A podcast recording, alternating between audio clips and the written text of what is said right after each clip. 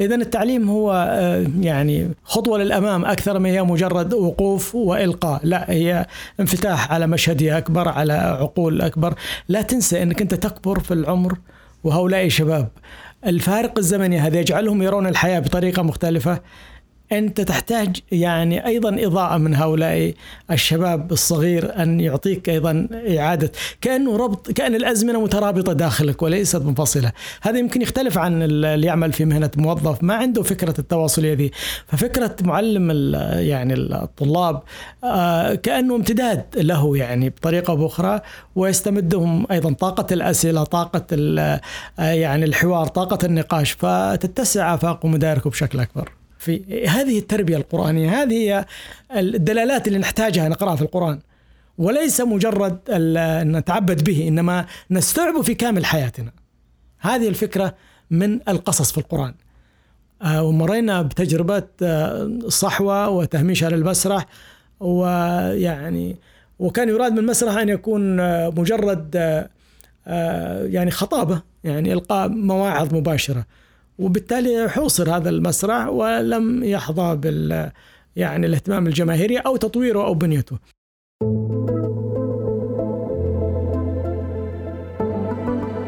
تستمعون إلى بودكاست مسابقة أقرأ إحدى مبادرات مركز الملك عبد العزيز الثقافي العالمي إثراء وللاطلاع على تفاصيل المسابقة والاستماع إلى باقي الحلقات. بالإضافة إلى توصيات الكتب السبعة لضيوفنا في آخر كل حلقة زوروا موقعنا www.ireadaward.com أنا فيصل الشهراني من فريق أقرأ وضيفنا في هذه الحلقة الدكتور حسن النعمي. حاصل على الدكتوراه في الأدب العربي من جامعة إنديانا بالولايات المتحدة الأمريكية ويعمل حاليا أستاذا للدراسات العليا في قسم اللغة العربية بجامعة الملك عبد العزيز بجدة.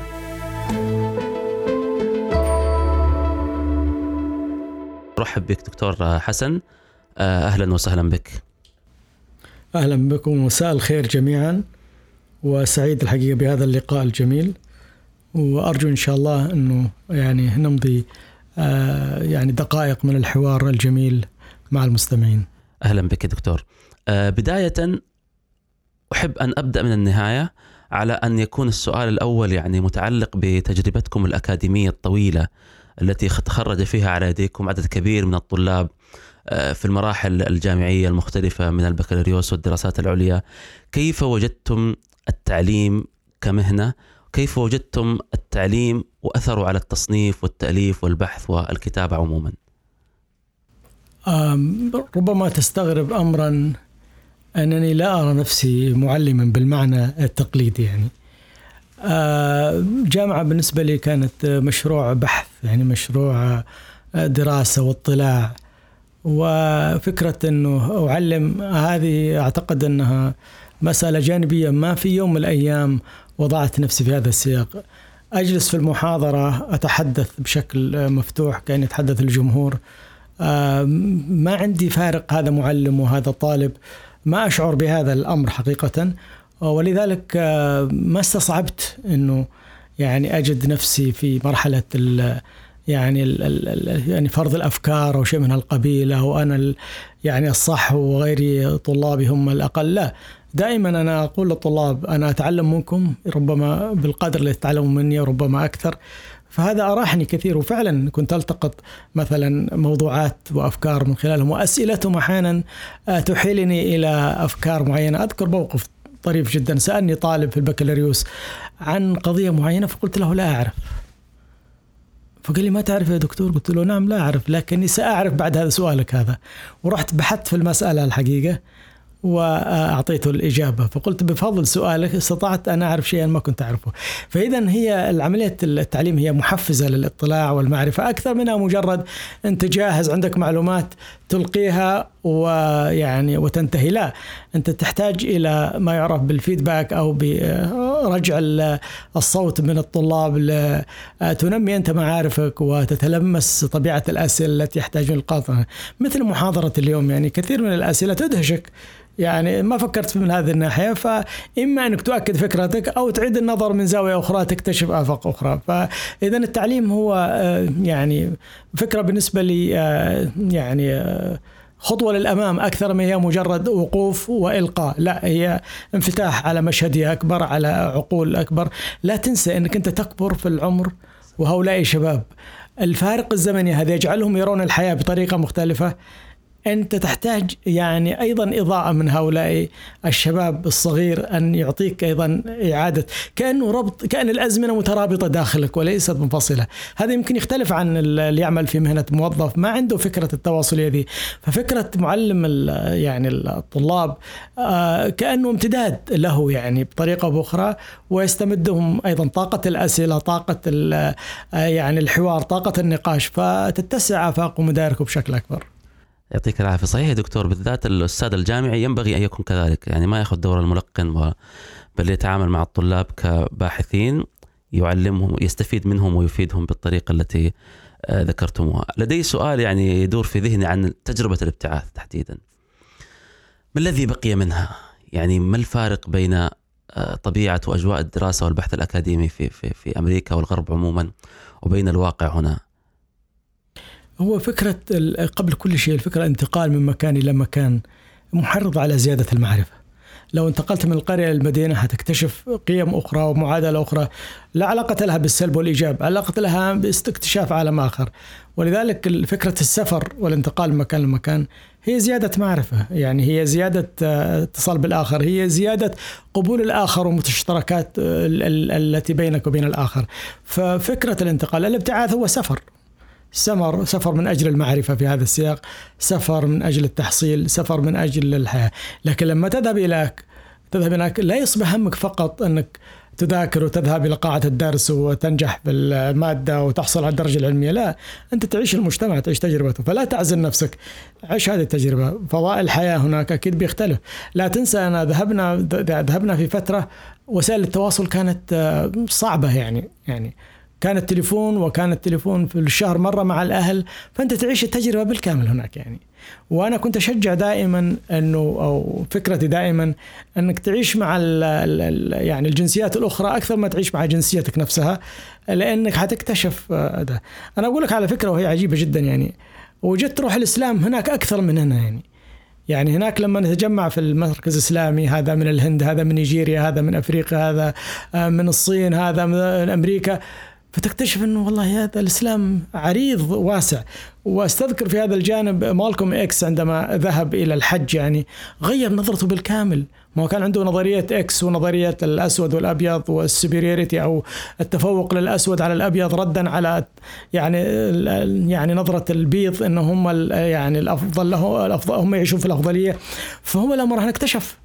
يعني المسلمون وفدوا البقاع المقدسة من كل النواحي. يلبسون زيا واحدا ويؤدون نفس الشعائر. فقال هذا هو الإنسان الحقيقي يعني. وغير فعلا نظرته بعد كذا ولكن آه، يعني يعني انتهت حياته في تلك المرحلة. لكن قد نضج انسانيا وهذا مهم جدا. واكتشف أن الإسلام هو قيمة إنسانية أكثر منه قيمة تعبدية فقط يعني. قيمة التعبدية بينك وبين ربك. لكن كيف تعيش مع الناس؟ هو هذا هو الدين المعاملة. اكتشف هذا البساطة للدين والعمق في نفس الوقت يعني. فأنا أعتقد أن تجربة الابتعاث هي هذا هذا المخزون. أنت صاحب تتعلم وتعود بشهادة. لكن ماذا عدت بفائدة من خلال اتصالك بهذه المجتمعات؟ يفترض الانفتاح على المشهد الأكبر. أذكر لما رجعت آه، جريده عكاظ عملت معي لقاء. بعد يمكن أقل من سنة فسالوني ماذا استفدت من تجربة التعاطف؟ فقلت لهم أمريكا علمتني التسامح. وأيامها هجمت جدا بأنه أمريكا لا تعلم. تعرف النظرة المفهوم عندي أنا أنه اكتشفت أنه القدرة على استيعاب الآخر هو هذا التسامح. يعني لما يفهم التسامح عندنا أنه تنازل عن حقك. نعم. لا هو فكرة فهم الآخر. أنت يعني تسامحت مع الأفكار الأخرى أن تأتي إليك وأن تستوعبها وأن يعني تتخذ منها موقف آه، بطريقة أو بأخرى وتكتشف أنه في مشتركات بينك وبين الآخرين. من أي ديانة كانت؟ في مشتركات إنسانية نركز عليها ونبتعد عن الاختلاف قدر المستطاع. يعني ما يحصله الإنسان من الابتعاث والسفر من من تجارب وحكمة يفوق بكثير مراحل ما يحصل من التعليم بالصورة نعم، المباشرة. نعم بالتعليم أنت تحصل على الدرجة نعم. العلمية وتعود تعمل لكن آه، ماذا آه، موازية له؟ هو هذا المهم. أنت الدولة ابتعثتك لتحصل على درجة علمية بس في المقابل حياة موازية أخرى. هذه مسؤوليتك أنت.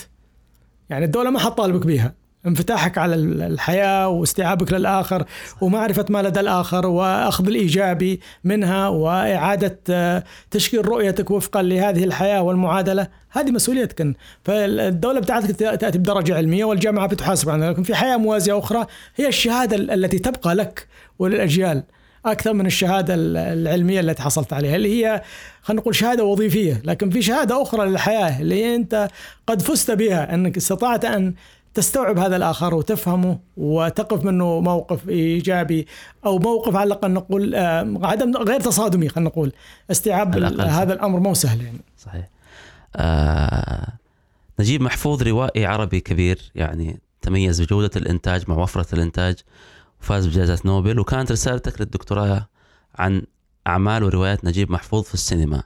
حدثنا عن هذه العلاقة الجدلية التي دائما تطرح حول الرواية. والشاشة أو الفيلم والسينما؟ آه، أنا أتيحت لي فرصة الحقيقة إني أدرس تخصص دراسات سينمائية في أمريكا إلى جانب تخصص في الأدب العربي الحديث. وأيضا هناك من يعني المستحسن أن تكتب رسالتك معتمدا على أحد تخصصين الفرعيين، أنا أخذت في الدراسات السينمائية وفي الفلكلور. فنظرت إلى العلاقة بين هذا التخصص الدراسات السينمائية والأدب العربي من خلال يعني نقل الروايات المكتوبة إلى الشاشة إلى السينما يعني. فدرست رواية نجيب محفوظ وهو الأديب الأشهر والأديب الأكثر يعني ثراء في السينما يعني. أعماله نقلت في السينما عنده حوالي 28 رواية نقلت إلى إلى إلى السينما يعني وما زالت أعماله تقدم. وغير التلفزيون يعني وغير ما قدم على المسرح. وهو أيضا نجيب محفوظ نفسه كأن كاتب سيناريو يعني هذا إضافة أخرى. لكن تكلمت على رواياته فقط التي نقلت السينما. بعض رواياته نقلت مرتين زي اللص والكلاب. نقلت بفيلم اللص والكلاب ونقلت فيلم آخر في الثمانينات آه، بليل وخونة وقارنت بين الفيلمين في علاقتهم بالرواية. وفعلا اختلافات. ودائما أقول المخرج هو قارئ هو قارئ للعمل ويترجم هذا العمل وفقا لرؤيته هو كمخرج يعني. يعني ليس بالضرورة أن ينقل العمل كما هو إنما وفقا لرؤيته. طبعا هناك في ثلاث اتجاهات في العلاقة بين الرواية والسينما. العلاقة الأولى هي العلاقة الدقة في النقل يعني. والدقة في النقل هنا تقتضي شيئا محددا. هو الحفاظ على هيكل الرواية مع الأخذ في الاعتبار عن اختلاف اللغة في السينما عنها في الرواية. هذه لغة الرواية لغة آه، يعني آه، يعني تجريد آه، تجسد في ذهن القارئ. بينما في السينما لغة تجسيد تتحول إلى تأويل في لغة في في في ذهنية المتلقي. هذا فارق كبير جدا ولذلك الرواية في السينما آه، بتختزل من خلال لغة السينما. لكن هيكلها موجود وفقا لتخصص أو فكرة الدقة في النقل يعني. الدقة في النقل لا تعني آه، آه، نقل حرفية ما في الرواية إنما اعاده بنائها لكن تحافظ على الهيكل العام يعني. فالشخصيات كما هي والأمكنة كما هي والبعد الزمني كما هو لكن على طريقة اللغة السينمائية اللي تعتمد التكثيف والإيجاز والإيحاء بالصورة. هذه يعني لقطة قصيرة صغيرة من من الكاميرا قد تختصر عليك 20 صفحة في الرواية. يعني هذه هذه بلاغة الصورة. وبالتالي لازم المخرج أن يراعي هذا الجانب. وبالتالي في رواية من 400 صفحة ممكن تجدها في فيلم ساعتين يعني. لأن بلاغة للصورة هنا كبيرة ما تحتاج إضافات وثبت لكنه في النهاية محافظ على معمار الروايه. الاتجاه الثاني هو التأثير الأيديولوجي أو الأيديولوجيا على نص الروايه وهذا الحقيقة التاثير أحيانا قد يكون له أسباب خارجية، أسباب يعني ظروف سياسية أو شيء من القبيل تفرض على كاتب السيناريو والمخرج أن يعني يغيب شخصيات، يضيف شخصيات، يوسع في مجال معين لأجل إيش؟ يواكب عصره يعني. السؤال لماذا ينتج رواية ما دام هو حيخترق هذه الخصوصية للرواية. هذا ما نستطيع نحاكم المخرج يعني على قراره لكن نستطيع أن نقرأ عمله ونقول ما فيه يعني. وهذا يحصل في كثير من الأعمال منها رواية القاهر الجديد نجيب محفوظ نقلها صلاح أبو سيف في الستينات. الرواية كتبت في الأربعينيات أيام الملكية. ونجيب محفوظ كتب الرواية يعني وفقا لأربع شخصيات. شخصية محجوب وشخصية علي طه الإشتراكي وشخصية آه، مأمون رضوان اللي هو من الإخوان المسلمين وشخصية أحمد بدير الصحفي الانتهازي اللي تشكل يعني. وهم أربعة خرجوا من الجامعة وعندهم أفكار يعني وكل واحد شق طريقه. النقطة النقاش كانت دائما بين علي طه الإشتراكي وبين مأمون رضوان من الإخوان المسلمين. وكلهما كل واحد منهما يرى أن الحل عنده. فعلي طه يقدم الحل الإشتراكي للمجتمع ومم رضوان يقدم الحل الإسلامي للمجتمع. هذه كان رجل محفوظ يطرح هذا الجدال وهذا الصراع الفكري عبر هذا الترميز الروائي. ومحجوب هو آه الذي وقع عليه الفساد هو رمزية الفساد في المجتمع. فهو يعني وقع عليه الفساد وأصبح فاسدا وهو كان يصور هذا العصر الذي كانت تعيشه مصر في تلك المرحلة. وعلي آه محمود آه، وش اسمه آه، أحمد بدير هذا شخص صحفي يتلون فين مصلحته يذهب معها فهو أعطاك هذا المنظور الأكبر للمجتمع في تلك المرحلة. وانتهت الرواية وهم يختلفون حول آرائهم لكن متعايشين مع بعض يعني.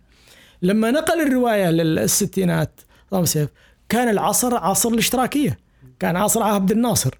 فلا يمكن والإخوان المسلمين كانوا آه، يعني مهمشين في السلطة السياسية. فما كان بامكانه أن يقدم هذا فحذف شخصية مأمون رضوان بالكامل وأعطى مساحة أكبر لشخصيه علي طه وأوحى الفيلم بأنه آه الذي كان يقاوم الملكية هي الثورة الاشتراكية وهي المد الاشتراكي التي هي تحكم الآن في عهد عبد الناصر.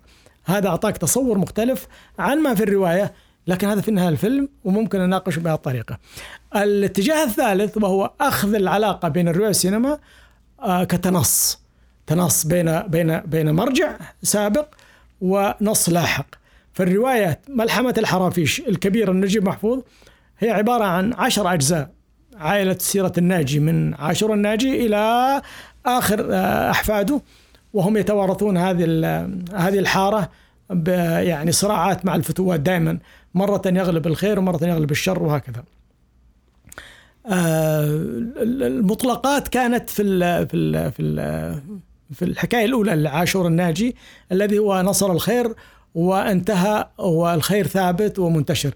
لكن بعد أن آه، جاءت أجياله آه، بدأت آه، يعني تنحرف تحت مغريات السلطة مغريات المال مغريات أشياء كثيرة مغريات. فدائما السلطة عندما تنجذب المغريات تنهار يعني تنهار لأسباب مختلفة جدا. ولكن يأتي من أبناء عشر الناجي من يستعيد قوة الخير ويحكم فترة وتحت التجاذبات الإغراءات تسقط وهكذا يعني. فعلي محمود علي بدر خان المخرج فيلم الجوع اللي ماخوذ من الحرافيش أدرك هذه الإشكالية وأدرك أنه الإشكالية هي في بناء الشخصية. فأخذ شخصية الناجي هذا وجعلها شخصية موحدة تبدأ بالخير وتمر بها تحولات الإغراءات. وجسدها من خلال إغراء السلطة إغراء المال وإغراء المرأة. كلها هذه مغريات حتى سقط اللي هو كان فقير ونصر الضعفاء لما أثرت في هذه المغريات سقط. فلما سقط قام الحرافيش ثورة ضده واستعادوا الحكم حكم الخير ونصبوا أحد عليهم فرفض. قال له نصبتوني سأعود نفس السيرة مرة أخرى. يعني كأنه يقول لا حكم إلا للديمقراطية. وطلبهم كلهم أن يستعدوا إلى أن يكون لهم نظام اجتماعي يحميهم كلهم. فبالتالي انتهى الفيلم برمزية معينة أنهم أخذوا يسنون آه، الرماح أو النبابيت اللي يعني كأن كل واحد مستعد أن يدافع عن الخير بشكل جماعي وليس فقط بشكل فردي يعني. يعني الفتوة هذا اللي نصرنا حيستبد بنا لكن لما نحن كلنا ننتصر كلنا حنحمي هذا الانتصار يعني. هذه فكرة السينما التي تصنع من الرواية أبعاد مختلفة. لكن تعتمد على حسب هذه المنظورات. آه، بقاء عند نجيب محفوظ وعند النص الأدبي عموما. آه، ما رأيك في بعض المحاكمات الأخلاقية أو الدينية آه، غير المنصفة لبعض النصوص الأدبية؟ يعني أشهر نص نجيب محفوظ تعرض فيه للتكفير وغير ذلك أولاد حارتنا كنت قد قرأته قريبا يعني. النص فيه إمكانيات تأويل كثيرة كونه شخص يختار هذا التأويل ال- ال- الذي بناء عليه يصدر الحكم هذا الظالم فيه هدر لوفرة وغناء العمل الأدبي، حدثنا عن هذه النقطة دكتور فضلك. هي مرة أخرى تعود لمشكلة القراءة، القراءة المؤدلجة أن تدخل للعمل بقراءة أيديولوجية مسبقة. فتقع في فخ التفسيرات والتأويلات غير الأدبية نحن نتكلم عليه محاضرة اليوم الصباح كنا نقول دائما أنه القارئ الجيد هو الذي يعيش مع النص ولا يجابه النص ولا يفترض السوء في النص الأدب حمال أوجه ويقبل يقبل التأويل كثيرا. فبهذا المعنى. لكن أنا بعطيك فكرة موجزة عن يعني أولاد حارتنا. أولاد حارتنا هو انتقاله لنجيب محفوظ ما بين رواياته الواقعية الاجتماعية اللي كان آخرها النص العظيم الثلاثية آه، بين القصرين وقصر الشوق والسكرية وتوقف بعدها عن الكتابة. كأنه اكتملت تجربة النص الواقعي الاجتماعي لنجيب محفوظ ودخل في مرحلة وأنا دائما أقول نجيب محفوظ هو آه، يعني أديب متفلسف. رواياته كلها الحقيقة تضج بالفلسفة الجميلة جدا ولكن في سياق الأدب يعني. واللي يقرأ مقولاته داخل الروايات يدرك عمقها الفلسفي وهو أساسا كان مشروع فيلسوف ولكنه اختار الأدب أن يكون أديبا روائيا. في زمن ما كان أحد يحفل بالرواية ولكنه راهن على الرواية وفعلا رهان هذا كان في محله. نهضت الرواية العربية ونمى معها ونمى بها حتى حصل جائزة نوبل. ليس فقط لجدارة نجيب محفوظ إنما تكريم للرواية العربية التي اختصرت أمجاد العرب في مئة سنة. الشعر لنا نكتبه الآن حوالي 15 قرن ولكن آه، يعني هو له يعني بصمة عظيمة في إنسانيتنا لكنه فعلا لا زال يعني لا أستطيع أقول أقل من الرواية ولكن الرواية أنجزت في مئة قرن ما لم ينجزه الشعر في 15 قرن يعني. هل هذا بسبب آه، يعني صعوبة الشعر تلقي الشعر تغير مستويات الشعر عما كان عليه؟ آه، هل لأن سبب الرواية واتصالها بالنموذج الغربي؟ هذه أسئلة كثيرة مفتوحة للنقاد يعني لكن فعلا الرواية يعني لها الآن آه، شهادة عالمية كبيرة جدا في حضور العالم بشكل أكبر من الشعر اللي يظل في الدوائر الأكاديمية في الغرب أكثر ما هو شائع في الدوائر والأوساط الثقافية العادية. على عكس الرواية التي الآن تقرأ في مستويات مختلفة اكاديميا وغير اكاديميا في الغرب يعني والروايات الآن تترجم بشكل كبير جدا يعني. آه ودائما الشعر عصي على الترجمة من أي لغة كانت الحقيقة. لأنه دائما الشعر تكثيف في أي لغة كانت يعني ولذلك لكن الرواية فيها تسامح ما فيها البعد المجازي والصورة البليغة اللي موجودة في الشعر فممكن آه، ترجمتها إلى حد ما وتصل إلى القارئ من ثقافة أخرى. أنا عارف إن السؤال اجبته يعني أجبت يعني أو شطحت قليلا لكن لأعود الآن. أولاد حارتنا الحجي محفوظ وهو ينتقل من الروايات الواقعية الاجتماعية إلى تجربة أخرى آه، أراد فيها أن يعني يقرأ البشرية تاريخ البشرية في صراعها مع العلم والإيمان. هذه بالنهاية فكرته. فالاعتماد على الإيمان فقط لن يكون هناك حضارة. والاعتماد على العلم ناقص الإيمان ما حيكون في أخلاق في الحضارة. فهو أراد أن يقول نحتاج العلم والإيمان. نحتاج الإيمان. لنعطي جانب أخلاقي للعلم ونحتاج العلم لنعطي بعد حضاري للإيمان أو للتجربة البشرية. فهو استعرض تاريخ البشرية ودائما يقظة الأنبياء وبعث الأنبياء هو يأتي لتصحيح المسار الأخلاقي. كان في تقدم في البشرية لكنها تفتقد الأخلاق فتنهار. فأراد أن يعني فكرة حضور الأنبياء في أزمنة معينة هو لتأكيد البعد الأخلاقي ولذلك كل الأديان بتركز على القيمة الأخلاقية وتنميتها. والرسول صلى الله عليه وسلم يقول إنما بعثت لأتمم مكارم الأخلاق. لأن العلاقة بين الإنسان وربه هذه علاقة يعني مهمة جدا ولكن في سياقة لكن ماذا علاقتك بالإنسان؟ بالحياة بالوجود من حولك؟ هو المهم جدا.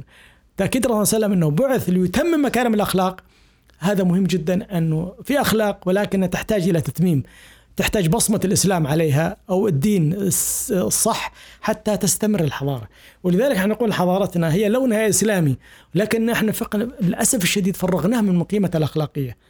بعدها الحضاري في قيمتها الأخلاقية. لما فقدنا هذا الجانب انهار لازم نعيد لها مقوماتها الأخلاقية حتى آه، تعيد آه، يعني بصمتها وتؤكد حضورها بشكل أكبر جدا. فنجيب محفوظ هو يكتب هذه الرواية. يكتبها بهذا المعنى. فصور رحلة الأنبياء وصراعهم مع الحضارات البشرية. والحارات الموجودة. أي حتى وصلنا في النهاية ولكنها فهمت بطريقة خطأ وأنه يصور الأنبياء هو يصور القيمة التي جاء بها هذا النبي. وحتى غير في الأسماء عرفة و... و... لكن للأسف فهمت بطريقة مختلفة لأنها قراءة أيديولوجية مسبقة وحصل هذا التصادم.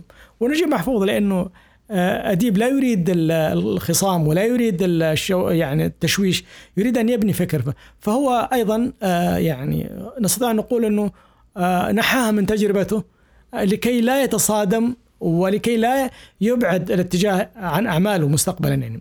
نجيب محفوظ أيضا ذكي. استفاد لأن هو طرح الحقيقة الأفكار بشكل مباشر قليلا ابتعد عن مجازية القول في هذه أولاد حارتنا. فكان هذا التصادم كان آه، يعني وجبة دسمة للمنتقدين والمؤدلجين أدت إلى تهميش هذه الرواية وقيمتها الأدبية. لكن نجيب محفوظ اكتشف مازقه وكتب نفس أفكاره اللي موجودة في آه، أولاد حارتنا في روايات أخرى منها قلب الليل في الثمانينات ومنها ملحمة الحرافيش نفسها. نفس الأفكار هذه التي صورها آه، في أولاد حارتنا. أعاد تصويرها هناك. ولم يلتفت إلى أحد بالمعنى الإيديولوجي هذا. وقرئت على أنها روايات لكن نفس الأفكار العميقة هي موجودة فيها. يعطيك العافية دكتور. كلامك عن الرواية والشعر كأجناس أدبية ذكرني بعبارة أمبرتو إيكو حين قال ما لا يمكن تنظيره ينبغي سرده. أن كثيرا من الأدباء والكتاب لا يستطيعون إيصال أو التماس مع بعض الأفكار أو بعض المحظورات إلا من خلال السرد والرواية ولعل نجيب محفوظ يعني استطاع آه، عن طريق ذلك أن أن يقدم آه، هذه الأعمال بشكل جيد. سؤالي البعض يقول أن الرواية جنس ادبي غربي لا يمت للعرب بصلة ويستدل ويستشهد بواقع الرواية العربية وأن النجاح فيها وإن حصل آه، فهو محدود جدا وقاصر. ما رأيكم بهذا الأمر؟ الشق الثاني من السؤال ما رأيكم في من يقلل من قيمة الرواية أصلا نسمع اليوم أصوات يعني غريبة تقلل من قيمة الرواية وأنها مجرد حكايات وليس لها معنى وليس لها قيمة ولا ولا تقدم للقارئ يعني آه، تجربة حقيقية. شوف إحنا الحقيقة عندنا آه، بعد عربي ورافد عربي للرواية العربية وعندنا الرافد النموذج الغربي. النموذج الغربي هو نموذج هيكل كيف تكتب الرواية. لكن أصل القص والحكي في تراثنا. في العصر الجاهلي في القرآن الكريم آه، في المقامات في ألف ليلة وليلة في رسالة الغفران في حي بن يقظان في, في, في كثير من شواهد. الإشكالية نشأت عندنا من تراثنا أساسا. وأنا طرحتها في أكثر من محاضرة منها محاضرة تنازع المكانة بين الشعر والسرد في آه، موجودة على اليوتيوب في قناتي. وفي محاضرات كثيرة طرحتها. الإشكالية تبدأ من تراثنا. آه أنا حتى لي بحث درست في القصة في القرآن بهذا المعنى واكتشفت آه، عدة آه، يعني أسباب أدت إلى آه، هذا التباعد. أولا إحنا روجنا لمقولة الشعر ديوان العرب ووضعناه في منزلة أنه الكل في الكل وهو فن من الفنون اللي أجادها العرب.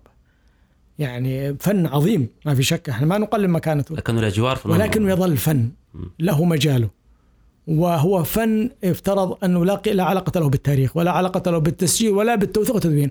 هو رؤية كما قلت تجاه الناس والكون والحياة. هو رؤية الأديب تجاه الواقع وليس انعكاس الواقع. يعني لا نبحث في الشعر عن التاريخ وعن الاجتماع وعن القضايا. هذا هذا الأديب رأى مجتمعه بطريقة معينة عبر عنه كما يراه هو. فإن تصادف أن فيه قيم معينة فهذا رؤية الأديب لكنها ليست بالضرورة. كانت في الواقع أو أنها في الشعر كاملة كما في الواقع لكن لا في الشعر تلوينها. حتى استحضار الأمكنة في الشعر لا يعني أن الأمكنة التي ورد في الشعر هي ذاتها هو رآها الأديب هكذا وعبر عنها بهالطريقة كذا. بهالطريقة نكتشف أن الشعر لعبة مجازية ويجب أن يكون الأدب كله قائم على المجاز. لكن ناخذه على أنه سبيل الحقيقة هذه مشكلة. طيب الأمر الثاني لما نزل القرآن الحقيقة وجد العرب متعلقة بالشعر وتضع الشعر في مقابل القرآن. واتهمت الله صلى الله عليه وسلم بأنه شاعر. والقرآن الكريم آه، نبه على ذلك وما هو بقول شاعر. إن هو إلا ذكر كريم. فبالتالي المباعدة بين القرآن والشعر هدفه فعلا الفصل ما بين ما بين الشعر كقول بشري وما بين القرآن أنه وحي من السماء. هذا أمر. الأمر الثاني لما حصلت هذه المباعدة فطرة الإنسان يحب الفنون. الإنسان يحب الفنون. طبيعي طبعا فطرته هكذا. والقرآن تلمس هذا الجانب.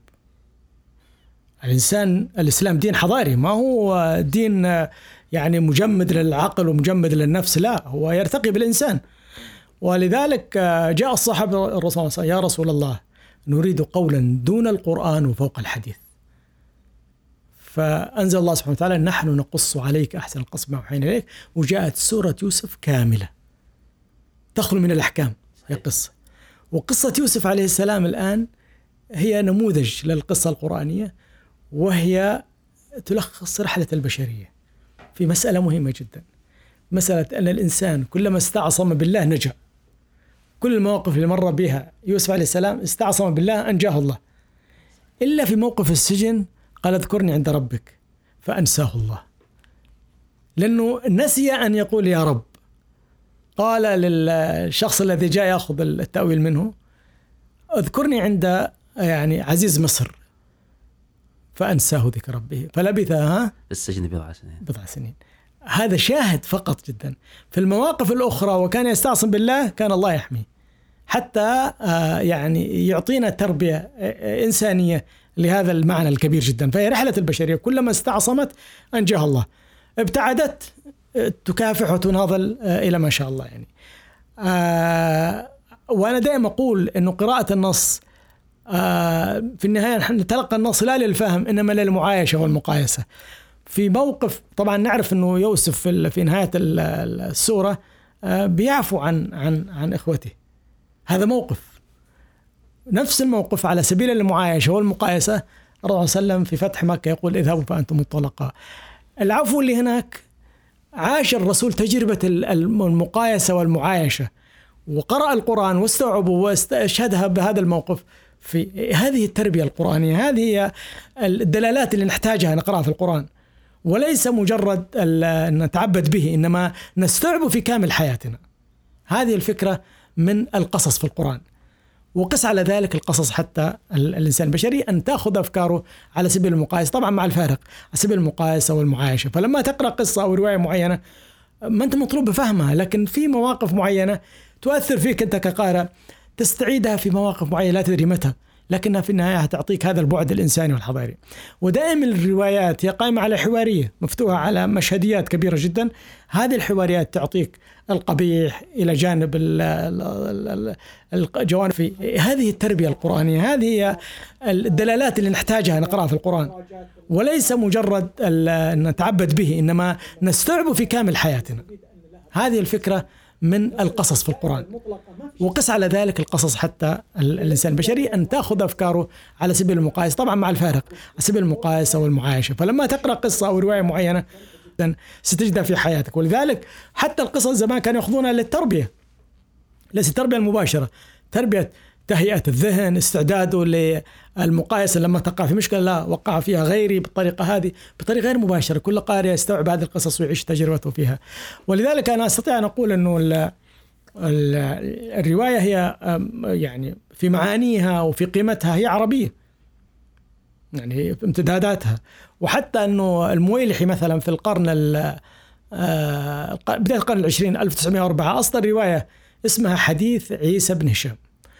وربط فيها بين النموذج الغربي وفكرة المقامة.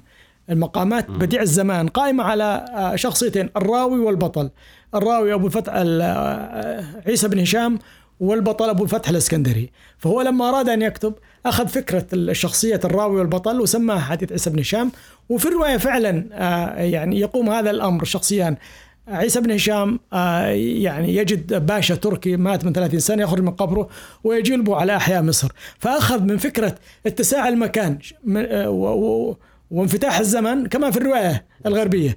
ولكن فكرة الحوارية والمقامة والرواية هي ما وجده في المقامة وضعه في الرواية. فإذا حاول أن ينظر بعينين فضوليتين إلى شكلين ويضعهما في دوتقة واحدة ويكون يقول هذا شكلي.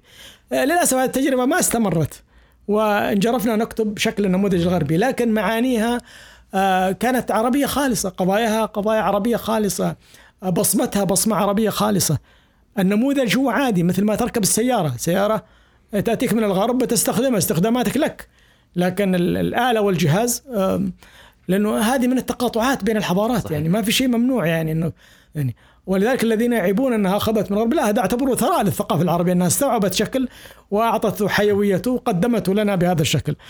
قس على ذلك أيضا أنه في الخمسينيات والستينيات تنبه الروائيون العرب ومن ضمن نجيب محفوظ في العودة إلى استلهام الرواية العربية أو القصص العربي القديم. نجيب محفوظ كتب ليالي ألف ليلة وليلة. آه وأيضا ملحمة الحرافيش فيها جزء من هذه الاستلهامية الكبيرة جدا. آه جمال غيطاني تجربته كلها استلهام من التراث. الزيني بركات التجليات شطح المدينة ها؟ المسعدي في حدث أبو هريرة قال نعم. كثير من الأعمال نكتشف إنه واسين الأعرج في التغريب التغريبة آه، كلهم الحقيقة آه، عادوا بيقظة واعية جدا إلى استلهام تقنيات القص العربي القديم وتوظيفها ضمن الكتاب فخرجوا بشكل مختلف. يعني النموذج الغربي مع التقنيات العربية اللي هي تقنية السند والراوي والأشياء هذه تقنيات تخص الشكل الأدبي العربي القصص القديم وظفت في هذا الشكل وصار عندي مزيج وشكل مختلف للرواية العربية. فما نستطيع نقول إنه ما عندنا قصص ولا عندنا تراث ولا عندنا امتداد له ولا تطوير، كل هذه الأشياء حاصلة، لكن الذي ينطلق من التحيز للشعر سيجد إسقاطات على الرواية بطريقة أخرى، لكن حتى الشعر نفسه مر بتحولات يعني. ولم يبقى. الشعر اللي كان في العصر الجاهلي عندما جاء آه، يعني في العصر العباسي استقبله المولدون بطريقة مختلفة لأنهم آه، في إجناس ثقافي صار. ثقافة فارسية عربية رومانية يونانية تمازجت الثقافة العربية. وظهر أشخاص آخرين بوعي مختلف بتكوينات إجناسية مختلفة. ظهر عندي شعر مختلف.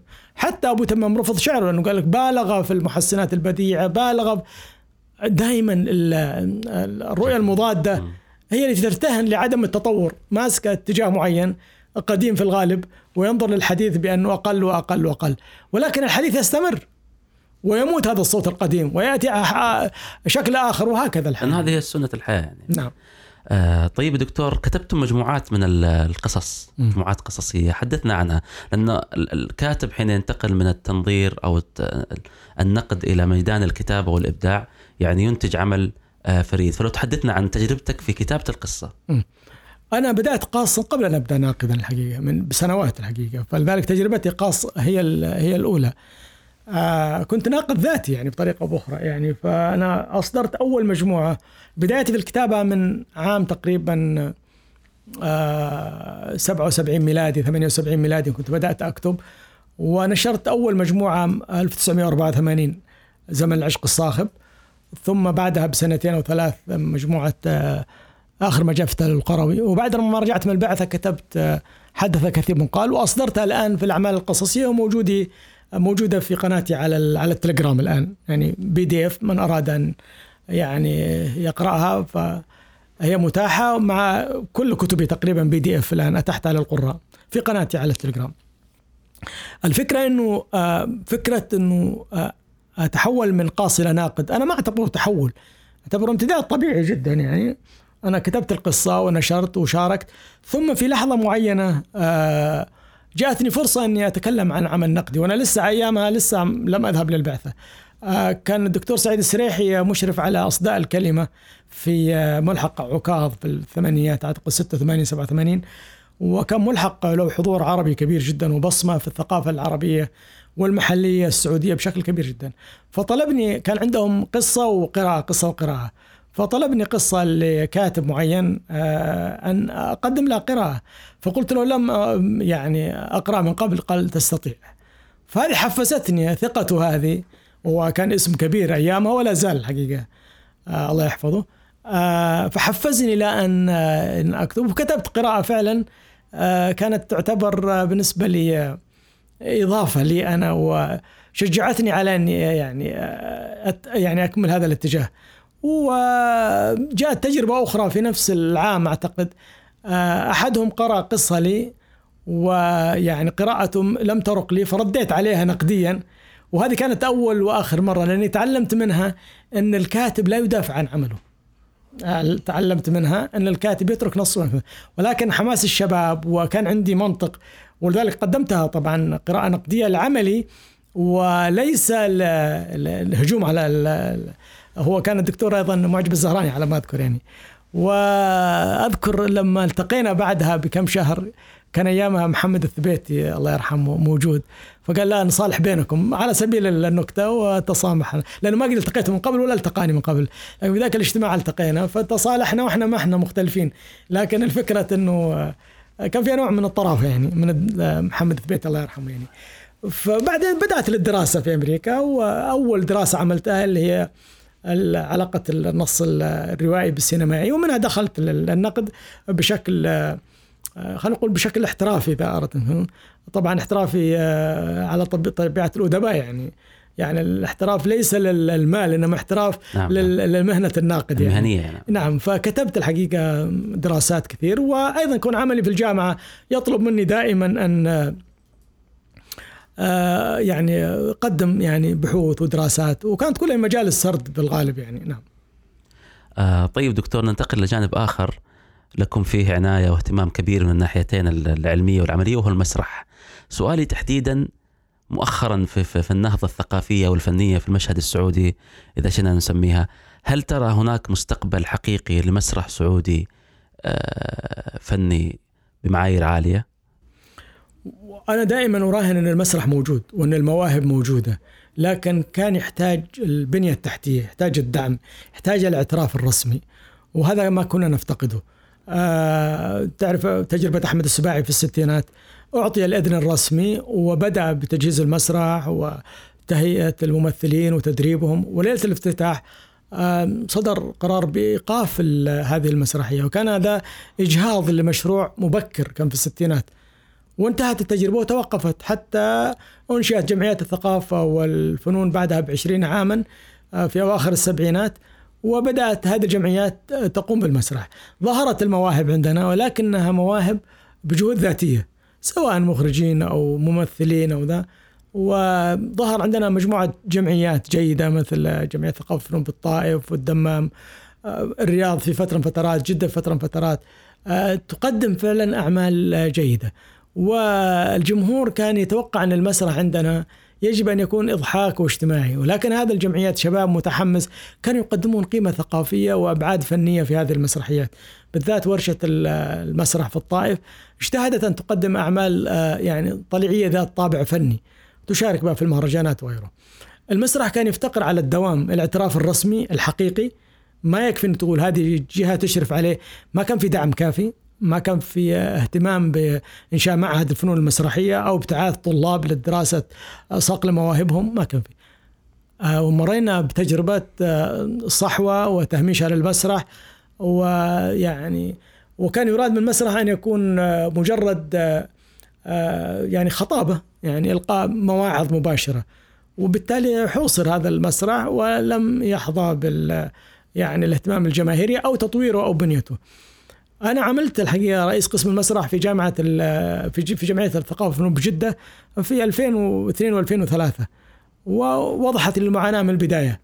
ما في آه، قواعد سليمة للمسرح ما في بنية تحتية ما في مسارح ما في دعم مالي. المسرحية آه، التي يعمل عليها الممثلون بروفات الشهرين ميزانيتها ما تتجاوز 5000 ريال. طب هالممثلين يحتاجون دعم المسرحيه تحتاج دعم ديكورات ذا فكانت الأمور واضح جدا أنها لا يمكن أن تمضي بهذا. وأيام أنا طالبت الحقيقة ب بانشاء هيئة عليا للفنون المسرحية و كان أحدهم يقول لي هيئة بالكامل؟ قلت نعم. الآن يتحقق هذا الأمر ويصبح عندنا هيئة للمسرح واهتمام أكبر وأعتقد في استقطاب كوادر للتعليم وأعتقد في ابتعاث. تأخرنا كثيرا. لكن نقول إنه مسيرة الحضارة طويلة جدا وأن نلحق خير من ألا نبدأ. فأعتقد إن شاء الله أن القادم أجمل بالنسبة للمسرح وأنا متفائل خيرا. وأيضا السينما الآن بدأ الاهتمام بها بشكل كبير لأنه السينما عندنا يعني تحتاج صناعة تحتاج استوديوهات تحتاج رعاية تحتاج تراخيص تحتاج. تعرف أنه لما كانوا يريدون أن يصوروا حلقة تلفزيونية معينة آه، ألف جهة لازم تذهب إليها لتصرح لك بالتصوير في الشارع يعني. هذه كانت معاناة يعني. فأعتقد إنشاء يعني هيئة وإدارة لها المسرح حتسهل كثيرا وتصبح الأمور يعني خلينا نقول آه، لها قيمة فنية.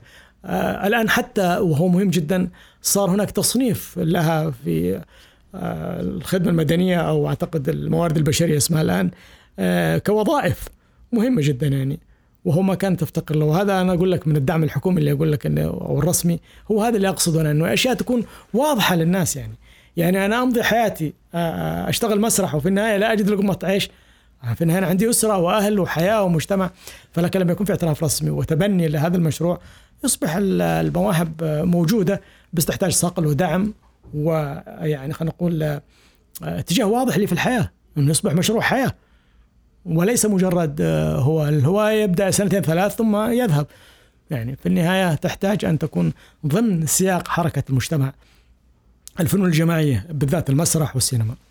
آه، الجميع إن شاء الله مستبشر الفترة القادمة أنه آه، يكون فيه تقدم كبير في هذه الميادين خصوصا أنه الحمد لله القرار السياسي مع الدعم الكبير ووجود شباب طامحين راغبين يعني المسرح مثلا وزارة الثقافة في برنامجها الابتعاث الثقافي هناك مجال تخصص كامل عن المسرح الشباب هنا في مركز إثراء ابتعثوا مجموعة من الشباب لبريطانيا آه، أخذوا تجربة جميلة في دراسة و آه، معرفة المسرح العالمي عموما.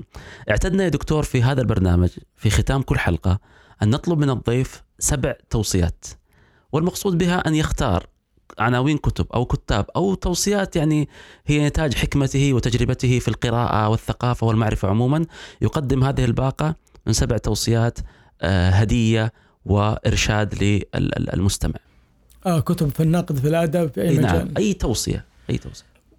والله التوصية اللي أنا بوصيها آه، كتاب مهم. آه، ما دام اليوم كانت محاضرة الانتحال في الشعر الجاهلي كتاب مصادر الشعر الجاهلي لناصر الدين ناصر الدين الأسد. هذا كتاب مهم جدا لأنه كتاب علمي دقيق في استقصائه لحقيقة وطبيعة الشعر الجاهلي تحولاته وظروفه وانتحاله هذا كتاب من الكتب العلمية المهمة. آه، مصادر الشعر الجاهلي لناصر الدين الأسد يعني. آه، من آه، أنا أعتقد ديوان متنبي من الدواوين المهمة. آه، يعني يعني أعتقد الاطلاع عليه مهم جدا يعني. ألف ليلة وليلة أنا أعتقد أنها من الكتب المهمة لقارئ السرد أن يعرف أصولها. آه، رسالة الغفران أعتقد من الكتب المهمة. آه، حي بن يقظان لابن طفيل مهم جدا. آه، هذا كم صارت الكتب هذه؟ خمسة. خمسة بقي اثنين. خليني أعطيك من الروايات العربية يعني روايتين.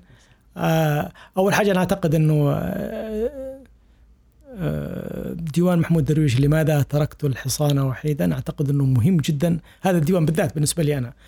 وأعتقد رواية الطين لعبد خال أنا أعتقد أن رواية مهمة جدا ولم تقرأ كثيرا. على عكس الروايات الأخرى التي وهذه رواية فنيا متقدمة جدا جدا على مستوى الرواية العربية. أعتقد هذه سبعة أعمال وهي طبعا وجهة كاملة. نظري ها؟ أقول تلك سبعة كاملة. نعم هذه وجهة نظري على أي حال وبس أتوخى فيها إن شاء الله أشياء كثيرة بالذات القارئ المبتدئ يعني. آه، شكرا جزيلا لكم دكتور حسن أثريتم وأمتعتم في هذه الدقائق ال- التي مرت سريعا.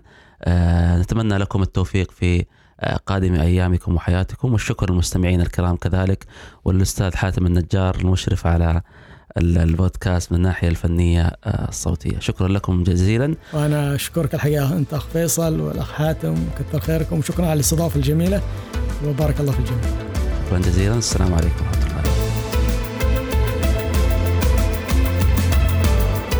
كنتم تستمعون إلى بودكاست مسابقة أقرأ إحدى مبادرات مركز الملك عبد العزيز الثقافي العالمي إثراء وللإطلاع على تفاصيل المسابقة والاستماع إلى باقي الحلقات. بالإضافة إلى توصيات الكتب السبعة لضيوفنا في آخر كل حلقة. زوروا موقعنا www.ireadaward.com وشاركوا الحلقة لأصدقائكم. كما نرحب بآرائكم وتوصياتكم السبع على هاشتاج مسابقة أقرأ.